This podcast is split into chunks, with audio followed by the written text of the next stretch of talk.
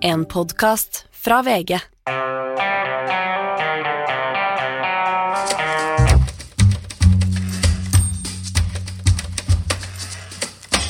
Da er det endelig snart Gudskjelov-kvelden, men først er det Gudskjelov-formiddagen, og det er mediebobler med Gard Steiro og Anders Giæver. Godt å se deg, Gard. Godt å se deg òg, Anders. Du har hatt en busy uke. Jeg har hatt en busy uke. I tillegg så har jeg nesten mistet stemmen, så dette blir en prøvelse å gå gjennom denne timen. Men jeg tror det, det er mye vi skal snakke om, og vi skal lage òg inn en gjest i dag. Ja, vi skal, vi skal det. Eh, En, eh, et ekspertvitne, eh, vil jeg si. For vi skal snakke om altså denne uka, uansett øh, hva slags nyheter øh, vi ellers har hatt, det er urnyheten som har vært den aller største. Det er helt riktig. Det er været. Og politikere kan skandalisere seg sjøl. Det kan være store, dramatiske kriminalsaker og internasjonale nyheter som egentlig fortjener de største overskriftene. Men det er været. Det er det, altså Lesertallene til VG viser alltid at været det er det folk er mest interessert i i dette landet. Og jeg tenker at dette ligger helt øh, biologisk i oss. Den, øh, altså snakke om været, du merker det jo i alle sammenhenger. Jeg husker jeg bodde en stund, eller var en kort periode i Los Angeles. Og de snakket om været hele tiden, selv om været er totalt uforanderlig der. Ja, det, det, Men det, jeg tror det er del av det å være menneske. Altså Været påvirker livene våre, og været påvirker avlinger. og, og været er det, det Du er helt avhengig av eh, været, og været er òg noe av det farligste du kan utsette deg sjøl for. Og så er det en viss, hva skal vi si, en del av den kulturkrigen vi opplever, den går også inn i nettopp hvordan vi i mediene dekker været. Ja, den gjør den. Eh, og det, det er veldig interessant, fordi at eh, denne diskusjonen om Spesielt de mediene som har hovedkontorene sine i Oslo, sånn som eh, VG og Dagbladet og Aftenposten og NRK, om de, hvordan de forstår Norge. Den debatten har en tendens til å blusse opp hver gang det er dårlig vær. Enten at det er dårlig vær i, på Vestlandet eller Nord-Norge som vestlendinger og nordlendinger syns vi dekker for dårlig. Eller enda verre. Enda verre når det er dårlig vær uh, på Østlandet, og vi slår det opp som tredje verdenskrig. Da, altså, da kommer reaksjonene. Litt lakoniske, men også med et sånt snev av alvor at dette viser at riksmediene forstår ikke landet de bor i. Og for å kunne diskutere dette videre, så må vi jo uh, trekke inn ekspertise. Velkommen til deg, redaktør uten budsjett- og personalansvar Egon Holstad i, uh, i Tromsø. Tusen takk, det er veldig hyggelig å være med. Du, været uh, er jo mye å forholde seg til uansett hvor man er på kloden, men i Norge er været også en slags uttrykk for kulturkrig mellom eliten i Oslo og somewheres i, rundt omkring i landet? Ja, altså det, dere har jo selvfølgelig vær i Oslo også. Det er bare det at dere har veldig lite vær, og det er ganske sånn pinglete vær det dere har. Så det blir jo veldig fort en sånn eh, Når det bor eh, en og en halv million mennesker i, eh, i deres region, og det er litt sånn en liten sånn uh, fartshump uh, i livet med litt snø og is og sånn, så blir det veldig svære overskrifter av det i hovedstadspressa. Og det, det syns jo vi, særlig vi som bor i nord, hvor det er inn i helvete mye vær hele tida, vi syns jo det er veldig artig, da. For det er noe sånn eh, ja, Det er noe lettere komisk over det. Det er ikke bare Oslo heller. Jeg så jo på på Dagsrevyen for noen uker siden så var han Jon Gelius i Arendal. Og Der sto han med en sånn målestokk og så sier han sånn Nå her i Arendal er det 70 centimeter med snø! Og så viste han en sånn målestokk opp, helt sånn sjokkert opp mot kamera. Eh, og da har jeg liksom sjøl gravd meg gjennom ei snøhule for å komme inn døra hjemme. Og det var ikke noe oppslag på, på Dagsrevyen. Så det er noe sånn om ikke, kulturkrig, så er det i hvert en liten sånn kulturkrasj. For det er, det er sinnssykt mye vær, i, langs, særlig langs kysten. da. Uh, og i Oslo så er det ikke helt der. Men klart, er det, er det 20 minus i Oslo, så skjønner jeg jo at folk syns det er kaldt. Det, for det er det jo. Men du, la meg da bare sitere deg selv fra en eh, kronikk eller en kommentar du skrev eh, som også sto på trykk her i VG for eh, fem-seks år siden. Jeg vil tro at noe av det aller mest irriterende i hele verden er eplekjekke folk fra nord som harselerer med søringene når de opplever vinter. ja, ja, ja. Ja, jeg tror jo det. Jeg tror liksom Nordlendingen er jo, er jo en litt sånn enerverende type. Liksom. Det, er mye, det er mye utestemme og mye, mye hovering. Og det er klart at vi er jo på en måte han litt fulle onkelen i middagsselskapet som alltid har opplevd noe mer, og som har eh, drukket drukket flere flasker enn alle de andre som har opplevd og vært Alt er, alt er liksom skrudd på elleve til enhver tid. Så det er nok Jeg skjønner jo at det der blir, blir irriterende, og særlig da når, når vi i nord gjør narr av uh, vær, som selvfølgelig inngår ganske hardt i livene til folk når det er ordentlig vær sørpå, så er sikkert vi helt utrolig irriterende. Uh, det som er jævlig artig likevel, altså jeg, jeg syns jo ikke det her er umorsomt. Uh, det jeg syns er jævlig artig, er jo nå når det har vært så utrolig mye prat om været sørpå, og snømengder og is og kulde og sånn. Så, så, så er liksom, da, da, er naturen på partiet med Nord-Norge så er det sånn her Å ja, dere trodde det der var vær? Vi skal faen meg vise dere vær. Og, da, og, da er, og det, det, som da skjer, det er at man da går ifra eh, Jon Gelius og 70 cm snø i Arendal til at en vågekval blir liksom drefsa på land, eh, og det renner småsei inn på bensinstasjonene, og, og, og folk eh, eh, kommer seg ikke over bruer, og alt av fergestengt er stengt, og flyet er stengt. Og så er, så er folk ganske sånn lakoniske og nedpå her oppe.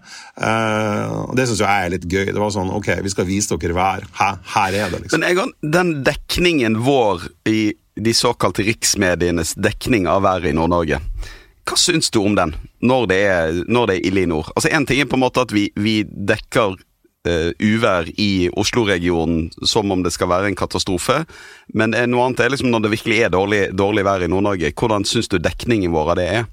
I den grad du leser det? Nei, altså når, når, det er, når, det er, jævlig mye vær her oppe, så har det en del, selvfølgelig en del sånn samfunnsstrukturelle utfordringer som, som, som gir seg utslag i, i stengte veier og, og, og, båter og fly og alt sånt som ikke går. Og eh, når jeg skal oppdateres på været i Nord-Norge, når det skikkelig smeller her oppe, og det gjør det jo flere ganger i året, så søker jeg alltid mot de lokale eh, mediene.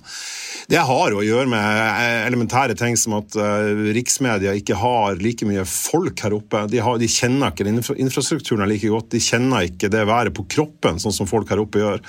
Uh, og, og, og, så syns jo jeg det er litt sånn og det her, er jo, det her er noe som folk sørpå er drita lei av å høre om, men, men, det er et eller annet med at når noen bussavganger er forsinka med 20 minutter sånn på Østlandet, så, så er det en riksnyhet.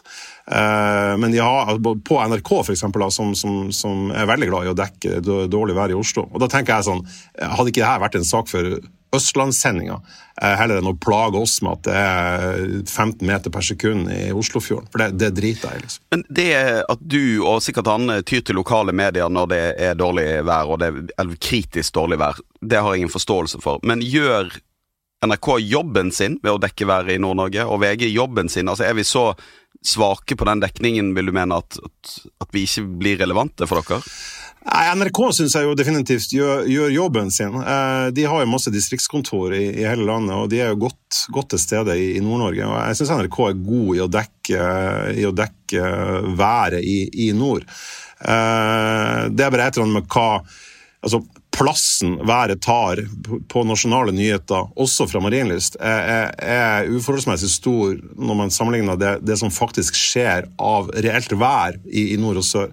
Når det gjelder VG, så, så, så, så er jo dere prega av å ikke ha et et lokalkontor i, hele Nord-Norge. Nå har dere jo heldigvis flotte samarbeidsaviser, som f.eks. i Tromsø, der jeg sjøl jobber. Eh, og vi bistår jo dere med, med, med saker når, når, dere trenger det. Men, men, men, helt klart, normalt når det skjer noe, noe i verden, og sånn, så, så, søker alltid jeg mot, eh, mot fortrinnsvis VG, faktisk, og, og, og dernest NRK. Men når det er vær, eh, og, det liksom går på infrastrukturen løs, så, så, søker jeg alltid mot lokale nyheter og de, de lokale aktørene som vi har her oppe på, på mediefronten. Det er jo kanskje viktig for eh, Det tror jeg ikke leserne av VG er klar over. Eh, det er at vi har jo et samarbeid som du sier, med i Tromsø og med flere Polaris-aviser i Nord-Norge. Så da, Vi visst, skjønte jo at det ble dårlig vær denne uken, og da hadde vi jo møter i forkant og diskuterte hvordan vi kunne dekke det sammen. Vi sendte folk til Hammerfest, men eh, dekningen vår ville jo ikke vært hva skal jeg si, Den ville jo ikke vært i nærheten av tilstrekkelig uten det samarbeidet. Og det er jo, så, altså Jeg tror Norge er et så lite land at sånn samarbeid mellom ulike redaksjoner er rett og slett nødvendig for å kunne klare å gjøre jobben vår. Så da kan Egon eh, lese dekninga av været i Tromsø i VG fra sin egen avis i Tromsø. ja, men det, det jeg, jeg, jeg, tror det er en veldig sånn, en veldig sånn korrekt jeg si, erkjennelse av, av, av VG, å være bevisst det at det er heller ikke bare å sende opp noen folk fra Akersgata og til Tromsø eller Hammerfest. Det, det, det er med at de folkene som bor her, og som kjenner områdene, og som kjenner været, og som vet som kjenner, som kjenner landsdelen på pulsen, har helt andre forutsetninger for å rapportere om det som skjer her oppe. Særlig kanskje når det kommer til, til vær. For det er en kompetanse som går gjennom generasjoner, og som, og som du ikke kan lære deg på, på, på en research på, på Google på, på, vei på et fly opp fra, fra Oslo til, til, Tromsø eller til Kirkenes eller Hammerfest. Det, det, det, der gjenspeiler seg jo egentlig i hele nyhetsdekninga. Eh, det å skjønne en landsdel, og det å skjønne folk, og det å skjønne vær, og det å skjønne de strømningene som skjer til enhver tid, det er veldig vanskelig å få med seg når man sitter over 1000 km mm. Men uh, jeg har jo sjøl uh, ja, vokst opp i, i Nord-Norge. Uh, og av og til når jeg hører reaksjonene til nordnorske kommentatorer og journalister og nordlendinger generelt på, medie, på mediene i sør, så syns jeg noen ganger den kan fremstå litt sytete, som vi sier. Uh, og da tenkte Det En av gangene jeg virkelig tenkte uh, reagerte, eller tenkte 'herregud, hva de holder på med', det var på denne da Aftenposten i fjor høst skrev en, uh, et forsøk på en humoristisk leder om da det ble klart at det ikke ble Nord-Norge-bane. Og der man òg spøkte litt med at Scotsman, alle nordlendingers favorittpub i Oslo, var ikke lagt ned, men flyttet. Og i tillegg hadde politisk redaktør Skjalg Fjellheim sluttet i, i, i Nordlys. Så det var liksom en tung uke da for, for Nord-Norge. Og de reaksjonene på, på den lederartikkelen de syns jeg var så forbanna humørløse. Og i alle fall til nordlendinger å være. Ja, og det var jo jeg hjertens enig i. Eh, altså jeg var hjertens enig i det du sier nå. Jeg skrev jo en kommentar som, som også ble publisert i, i, i VG, da, eh, om nettopp der jeg påpekte at den humørløsheten fra eh, basically egentlig mediehus i rundt Tromsø. Uh, jeg synes jo det at, uh, jeg skrev at det, at Aftenposten prøver å være morsom på lederplass, det er et, lite skritt for menneskeheten og et stort skritt for Aftenposten, som, som, jo ikke er kjent for å ha de mest ramsalte lederne. Uh, jeg, men, men, men, jeg synes jo hele den der det, det, det å raljere med, med Nord-Norgebanen og Scotsman og og det at en politisk redaktør har, har gått av, det er, sånn, det er, jo selvfølgelig noe vi skal tåle. Uh, og jeg tenker jo at Det nordnorske sjølbildet er, er, er, jo gjerne at man er litt tøff, og at man tåler ting. og sånn. Og når man da som da konstituert politisk redaktør i, i, i Nordlys, sier på, på, Dagsnytt 18 at samferdselspolitikk i Nord-Norge er for alvorlig til å spøke med, så tenker jeg at da, da, da, da sender jeg en tanke til gamle humorister som Arthur Arntzen og sånn, og tenker at da, har vi kommet for langt i den her eh, i den her, vi, vi, vil bli forstått fra, fra Søgre. Klart vi må, vi må, finne oss i å bli, bli uh, gjort uh, narr av. Eh, og Det var noe Arthur Arntzen var jævlig god på å få oss til å bli bedre på, nemlig å flire av oss sjøl.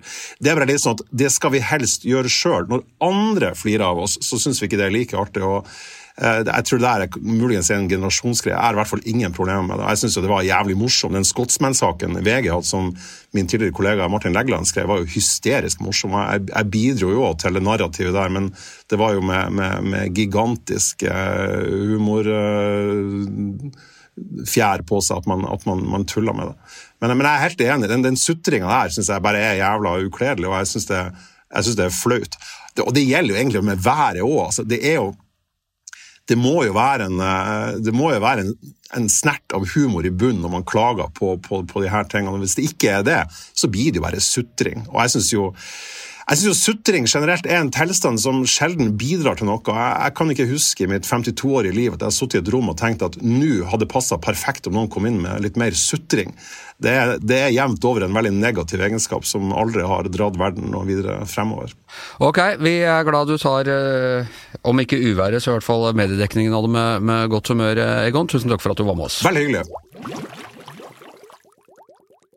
Men hvis vi ser bort fra været, hvis det er mulig å se bort fra været, så er det eh, en annen sak som har dominert nyhetene de siste to ukene. Vi måtte jo sammenkalle oss til å ha ekstrapålegg på mediebobler for to uker siden, eh, Gard, av masterskandalene. Det startet altså med utdanningsminister Sandra Borch.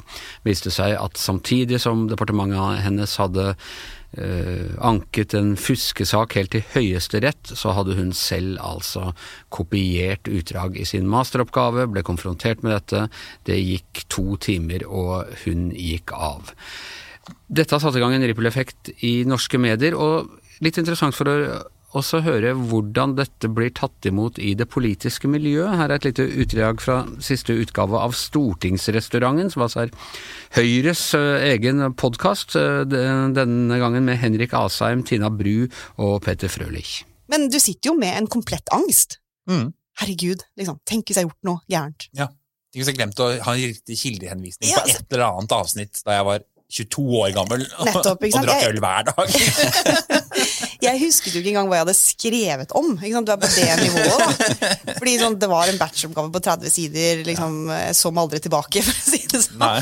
Men du, du blir grepet av en sånn total angst da, i det sekundet du må levere fra deg noe sånt. Og så er de liksom så De er så på, da. Altså, den meldingen kom en sånn søndagskveld. Sånn Kan du sende oss elektronisk sånn nå? Eh, ok, og begynte å stresse og fant den frem og fikk sendt det over, og så fikk jeg tilbake ganske kjapt sånn, ja, alt ok. Uh, og så dagen etterpå fikk jeg en ny e-post fra igjen TV 2, men da helt andre journalister. Ja. Med sånn ganske sånn aggressivt språk. Sånn vennligst send omgående liksom din, eh, din oppgave.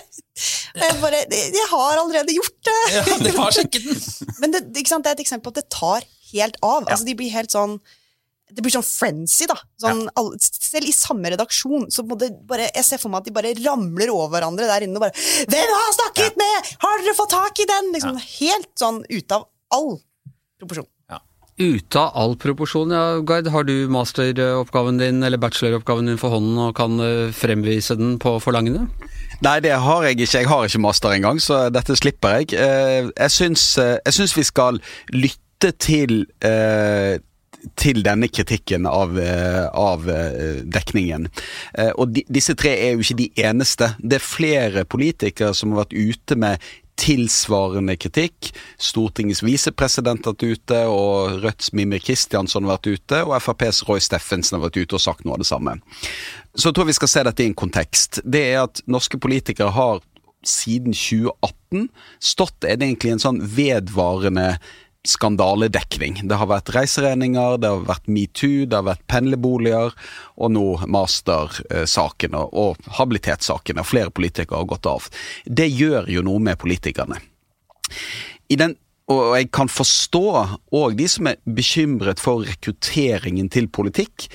At det kan ende opp med en situasjon der det er, som noen også sa, det er bare Knut Arild Hareide som består testen til slutt for om du kan bli norsk folkevalgt. Men hvis vi tar den siste runden nå, så tror jeg alle er enige om at Sandra Borch sin plagiering, det var en sak av stor offentlig interesse. Og jeg tror òg de fleste er enige om at når en helseminister, når det blir tvil om hennes masteroppgave, så er skrevet ganske nylig, mens hun er i, har et sentrale verv på Stortinget, Rett før hun ble minister. ja, at det, at òg er en sak av stor offentlig interesse. Så er spørsmålet hva skal mediene gjøre etter det? Skal vi nå lese og granske masteroppgavene og bacheloroppgaven til alle norske politikere? På nasjonalt plan og på lokalt plan? Jeg mener svaret på det er nei. Eh, Men samtidig så har jeg respekt for at andre redaksjoner gjør andre valg. Men det er ikke sånn som uh, Tina Bru sier, at nå vi løper rundt i redaksjonen her i VG ville av begeistring over denne muligheten. Vi har diskutert det flere ganger på redaksjonsmøtene og sagt at her må det være en terskel. Vi har jo sagt, inntil videre iallfall, kan jo hende at det endrer seg, at vi vil se på det akademiske arbeidet til statsrådene. De har en helt spesiell eh, posisjon, mener jeg, og det tror jeg òg alle er enige om at der må man kunne liksom se på de som er satt til å utøve makten i Norge, at der må man, må man kunne stille noen krav. Og så har vi gjort et, noe annet, og det har vi fått mye kritikk for, det at vi har sett på utdanningskomiteen. Og Der var det én sak, og det tror det den, eh, den snakka de om i Stortingsrestauranten, og den er mange som har nevnt og kritisert oss for. Det er en sak vi skrev om en høyrepolitiker som heter Margaret Hagerup. Og hun, eh, hun er jo ingen veldig kjent politiker, eh, og vi fant ut at det var tekstlikhet da med hennes masteroppgave, som hun eh, skrev i 2011, eh, og en annen oppgave som ble levert i 2009. Det er ingen stor sak. Det er ikke en veldig alvorlig sak, det slår vi jo fast i saken. Eh, og den blir ikke betont på samme måte som Sanna Borch-saken. Grunnen til at vi tok den saken, det var at hun sitter i utdanningskomiteen. Og det er utdanningskomiteen nå som skal vurdere da og bestemme den nye, eh, den nye, altså denne nye fuskeloven. Så her mener vi at det var en relevans, fordi at hun sitter da og skal avgjøre hvordan man skal følge opp studenter og deres plagiering og deres fusk. Og så viser det så at dette er vanskelig også for de som vedtar reglene, kanskje, å følge, å følge dette regelverket.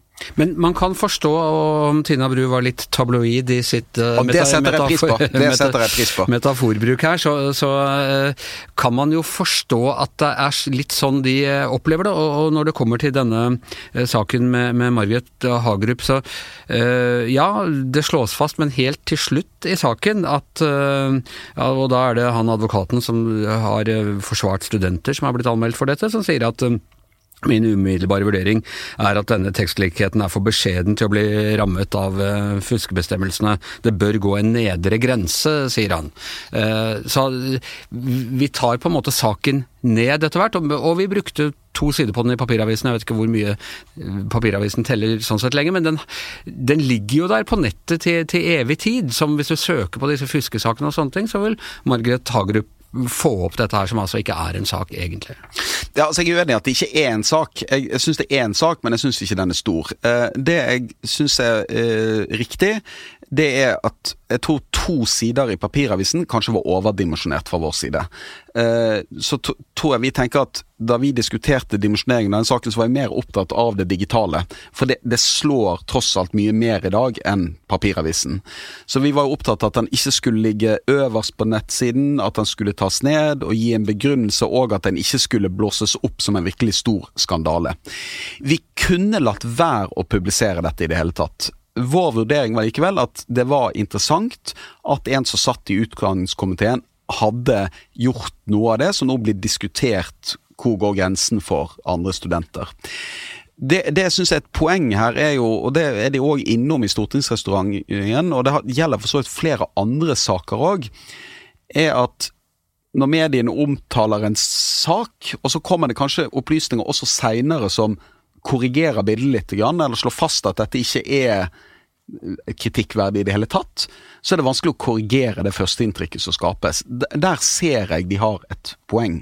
Men, men Anders, hva mener du? Mener du skal vi liksom ettergå? Syns du politikere generelt, eller, eh, eller jeg er eh, jeg er old school her, så jeg, jeg mener at de som lager de lovene vi andre skal leve etter, de må tåle å bli målt på de egne lovene. Jeg skjønner at det kan være ubehagelig, og jeg skjønner den der litt panikkstemningen som de beskriver i, i i stortingsrestauranten, men, eh, men det er nå en gang sånn at eh, alle disse lovene, de kommer fra Stortinget. Her er det masse studenter som er tatt for fusk, som er på det nivået der, og som har kanskje mista et studieår, kanskje til og med liksom mista hele motivasjonen for, for utdannelsen eh, og sånn. Og da eh, må politikerne, og i hvert fall på nasjonalt og stortingsnivå, tåle å bli målt på den samme standarden. Ja, og jeg er enig i det. Men det som kan skje i sånne saker som vi skal være bevisst, det er at nyhetsterskelen av og til senkes i et sånt sakskompleks. Fordi at når man får den Sanne Borch-saken, som jeg mener er virkelig dypt kritikkverdig, og, det, og jeg syns det er helt utrolig at hun kan stå på en måte og fronte denne fuskeloven, og så ha jukset rett og slett med sin egen oppgave. Det syns jeg er, det er en stor sak. Men så finner man en sånn stor sak, og så skal man gå videre, da. Og da senkes av og til nyhetsterskelen underveis i sånne sakskompleks. Og det skal vi være obs på. At selv om nå Sanna Borch har jukset, så er ikke det alt som stortingsrepresentanter har gjort tilbake i tid, som er like viktig, da, syns jeg. Jeg vil bare også ta med for ordens skyld at denne studenten som da har satt i gang denne saken, som er da blitt anket til Høyesterett av eh, regjeringen, hun er altså anklaget for å ha plagiert seg selv. Det er, eh, det er virkelig prosessen av Kafka, dette her. Så, eh, så ja, eh, litt ubehagelig eh, for noen av dem her. Men du, la meg spørre deg om en annen ting. I den forbindelse som du eh, har tatt opp på disse kvart på elleve-møtene som jeg av og til refererer til her, hvor det er en sånn evaluering vi har noen ganger i uka innad i VG, og da tok du opp eh, billedbruken, annet med utgangspunkt i noen bilder av eh, Ingvild Kjerkol som vi har brukt. Ja, og jeg tok det opp fordi vi fikk både kritikk litt sånn offentlig for ett bilde, det var riktignok av Sander Borch, men òg det var en del lesere som reagerte på bildebruken av Kjerkol.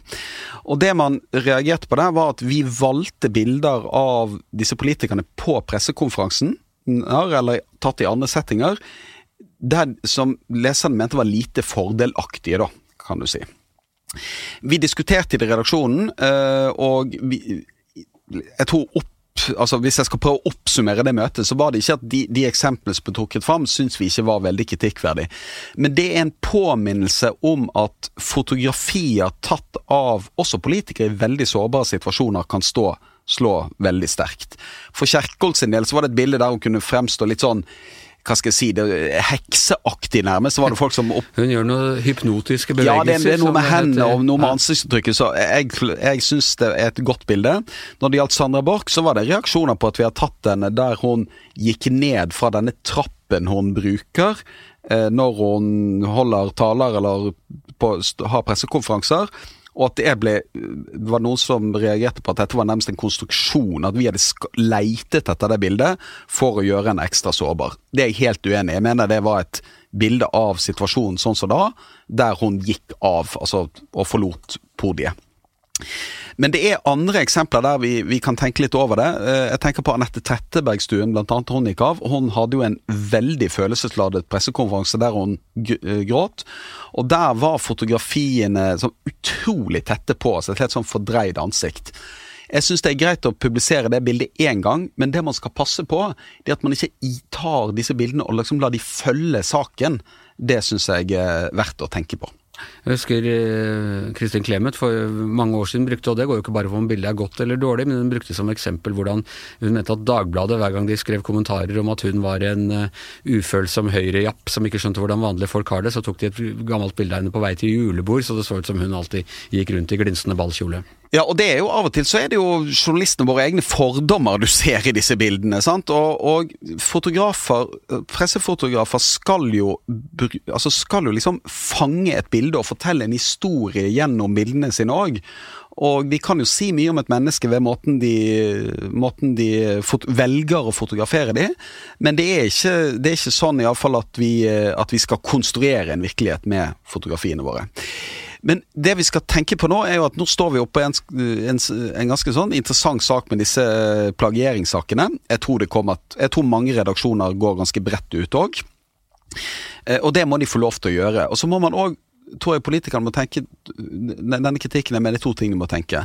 Det ene er at mediene har en viktig kontrollfunksjon.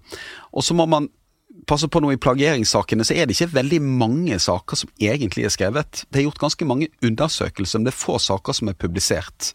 Og da skal det være klart, det legges jo bort saker i alle redaksjoner hver dag. Man gjør jo undersøkelser, finner kanskje noe der man tenker at dette er kanskje litt kritikkverdig, men legger det bort.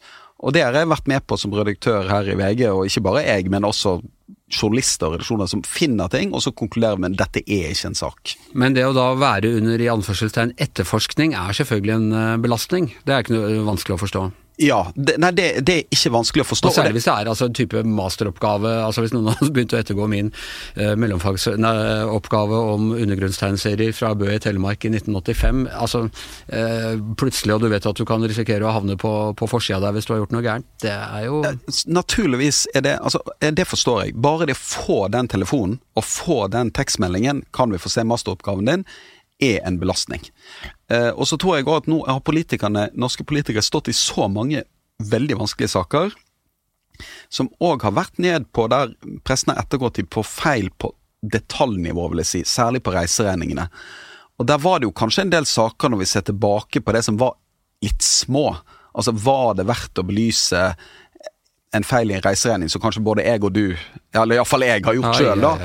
Eh, og, eh, og, og med disse pendlerboligsakene der det var jo en del saker der politikerne hadde handlet i god tro. De hadde blitt feilinformert, og likevel så var kanskje etterlatt inntrykk også på individnivå, at de hadde forsøkt å, å lure til seg eh, penger eller eller, eller ja, goder på, på, på, på det offentliges bekostning. Så om vi ikke sier, som vi ikke vil gi stortingsrestauranten rett i at vi er da i fullstendig blodtåkekaos, så kan vi være med på at sånne saker utløser en sånn stort og smått ettergåelse i en periode, hvor vi av og til er lurt å holde tann for tunge. Ja, og, og, vi skal, og vi skal være opptatt av Vi skal være opptatt av hvordan vi presenterer sakene. Vi skal være opptatt av nyhetsterskelen. Vi skal være òg opptatt av dialogen med politikerne når vi, når vi spør om denne type informasjon. Altså forteller de hvordan vi jobber. Og mediene skal jo òg tåle kritikk av uh, sakene våre. Så, altså Kritikken av Margaret Hagerup-saken, det syns jeg er helt legitimt at politikere reagerer på og sier at dette mener de er under uh, Dette var ikke noen sak. Det må vi tåle, og så får vi komme ut og begrunne hvorfor vi mente det var en sak. Og den debatten er jo bare sunn, mener jeg. Det politikerne ikke bør gjøre, det er å tegne et fordreid bilde av det som faktisk er publisert i disse sakene, for det er faktisk ikke så mye. Det har veldig trøkk på Kjerkol. Og det, det, er hun som virkelig har fått trykk i denne saken. Du, En ting til i diskusjonen om smått og stort. altså Denne uken så ble det først kjent, og antagelig som en bieffekt av disse masterundersøkelsene, at uh, Sindre Finnes, tidligere statsminister uh, Gemal, ikke hadde levert noen masteroppgave på Handelshøyskolen i Bergen, og dermed ikke kunne kalle seg siviløkonom. Det har han gjort likevel. Han har vært omtalt som det i en rekke sammenhenger, bl.a. på regjeringens hjemmeside da Erna Solberg var i regjering. Eh, og nå uh, kom det fram uh, at han også har gått rundt med en sånn ring som man kan gå med hvis man er jeg holdt på å si medlem av Fantomeklubben, hvis man har gått uh, Handelshøyskolen i Bergen, fineste økonomiske utdannelsen i, i Norge. Denne ringen har han, det er nå blitt ettergått i, på alle bauger og, og, kanter. Man har sett at han hadde den da han møtte Obama, han har hatt en rekke høytidelige anledninger, har han tatt den på seg, så bruker han den ikke alltid til vanlig. Er dette en sak? Det syns jeg er en sak. Uh, det, først og fremst syns jeg det er litt pinlig. Uh, det, det, er mer pinlig enn veldig alvorlig. Men her er det jo òg noe som skjer ved den første saken Dagens Næringsliv skriver. Um, der opplever forklaringen da på at dette har skjedd, at han blir kalt siviløkonom, er nærmest at det andre som har tatt for gitt at han er siviløkonom. Det er en del av det narrativet som forsøker skapes. At uh, det er mulig han har gjort det et par ganger, eller latt være å rette på det, men det er først og fremst andre som har brukt denne tittelen. Men når han tar på seg denne ringen, da, så, så, blir, jo, så blir jo den forklaringen òg Settes den i et litt annet lys.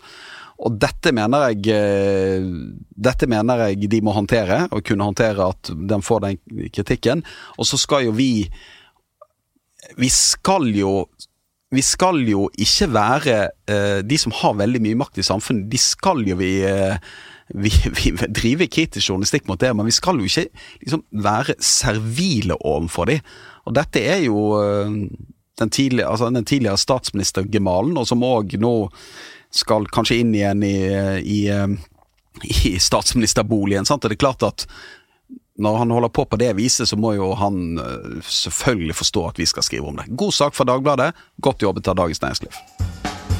Du, eh, vi eh, har fått eh, leserrespons. Eh, det er Katrine Hafsberg. Takker for gode podkaster, det tar jeg alltid med. Eh, men hun har selvfølgelig en innvending. Vi snakket jo om norsk, eh, norsk versjon av Spoiler alert, og slo oss litt på brystet over at VG hadde eh, lansert begrepet røpervarsku. Og det sier hun er et helt greit begrep, men hun hevder da at NRK har i flere år brukt røpealarm. Så at dette er en litt sånn etterdilt, og det øh, må jeg bare ta på min kappe, at jeg ikke oppdaget det. Jeg googla jo røke, øh, røpevarsku for å se om det, og det var ikke brukt før øh, VG, men jeg fikk da ikke opp dette med røpealarm. Nei, Det viser vel hvor vanskelig det er å finne på noe helt nytt i denne bransjen vår. Eh, det er som regel noen andre som har gjort det, gjort det tidligere. Eh, vi, eh, vi, vi, var kanskje først med røpevarsku, men røpealarm har altså blitt, blitt brukt før. Så vil jeg, nå har jeg da prøvd å gå litt mer etter, og da, og da finner jeg at eh, ikke egentlig NRK, men at jeg tror både Natt og Dag og Klassekampen brukte dette røpevarsku allerede tilbake i 2016. Uh, nå får man jo ikke søkt i alt over hva som er sagt på NRK, så de kan ha vært tidligere. Men så tenkte jeg på hvordan, hvordan kan jeg hindre eh, at vi gjør sånne tabber igjen. Uh, og så tenkte jeg kunne spørre da ChatGPT, nå som den der eh, Orakelet vårt. Orakel og kunstig intelligensen skal komme og overta hele butikken. Uh, Så jeg spurte ham, uh, henne, eh, hen, eh, har du noe godt eh, har du noe godt uh, norsk ord for spoiler alert? Uh, og så svarer ChatGPT ja, et norsk uttrykk for spoiler alert er spoileradvarsel, eller bare spoiler. Og så, hm, så skrev jeg eh, hva er røpealarm? Ja, røpealarm er et uh, norsk uttrykk for spoiler alert, som brukes for å advare om at informasjonen kan avsløre handlinger eller overraskelser i en historie som vil bli delt. Spurte jeg hvorfor nevnte du ikke det når jeg spurte om et norsk uttrykk for spoiler alert? Sier han beklager, jeg burde ha nevnt røpealarm i tillegg til spoilervarsler da du spurte om det. Takk for at du påpekte dette. Men er ikke det deilig med kunstig De intelligens? tør i hvert fall å innrømme sine feil. Disse agentene er jo så høflige, og de er mye høfligere enn journalister, eh, journalister generelt, og mye flinkere til å erkjenne sine feil. Ja. Det, det, men det, det illustrerer òg utfordringen med bruk av kunstig intelligens, at du kan ikke stole på det som kommer ut av det. Jeg pleier å si at i redaksjonen så kommer ikke disse agentene til å erstatte journalister, men vi må se på dem som verktøy. Og det beste bildet som er brukt om det, det er at det er som å få liksom en inn 100 sommervikarer som er veldig ivrige, veldig høflige, står på hele tiden, men ikke alltid har rett, så man må, man må ettergå arbeidet deres litt ekstra. Ja, eh, så nå skulle vi teste da om, eh, om de lærte i, Terminator, så er det sånn at Terminator lærer hele tiden eh, etter hvert, oppdaterer seg. Så min kollega Emilie mm, Hall Torp prøvde å kjøre samme spørsmål igjen etter at jeg hadde kjørt det. Akkurat samme. Kom bare med spoileralarm eller bare alarm, og den spurte hvorfor nevnte du ikke røpealarm, så var det ja, nei, det har du rett i, jeg skal. Men dette kommer til å endre seg, fordi at disse øh, Altså en del av de agentene du har, de kommer til å bli mer personlige, og sånn at de kommer til å huske mer av det du har spurt om framover. Og det er jo sånn at er en del av de verktøyene vi utvikler nå for journalistene i VG, de lærer. Sånn at jo mer vi bruker de, jo bedre blir de. Ok, eh, vi lærer så lenge vi lever, eh, vi også. Det har vi, det har vi eh, til felles med robotene og med den kunstige intelligensen. Så har vi lært, nå skal vi begynne å bruke Vil du si det til alle i VG at nå er det røpealarm som gjelder? Nei, det vil jeg ikke si, for vi hadde jo en stor diskusjon om dette røpealarm og røpevasku. Og jeg syns at de, de innvendingene vi fikk mot å bruke dette ordet, det var at ordet vasku fungerer rett og slett ikke for en del eh, spesielt unge lesere. Så man sa at man får bruke det ordet som folk forstår best. Ja. Nei, for unge lesere har ikke jobba i skauen med å hugge tømmer, og da hørt varsku her når, når grana går over ende. Ok, med det så er uh, Mediebobler over eh, for denne gangen. Tusen takk eh, til Gard Steiro, og tusen takk til eh, Egon Holstad. Jeg heter Anders Giæver, og produsent var Magne Antonsen.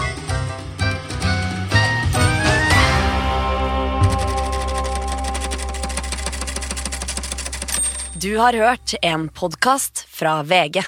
Ansvarlig redaktør, Gard Steiro.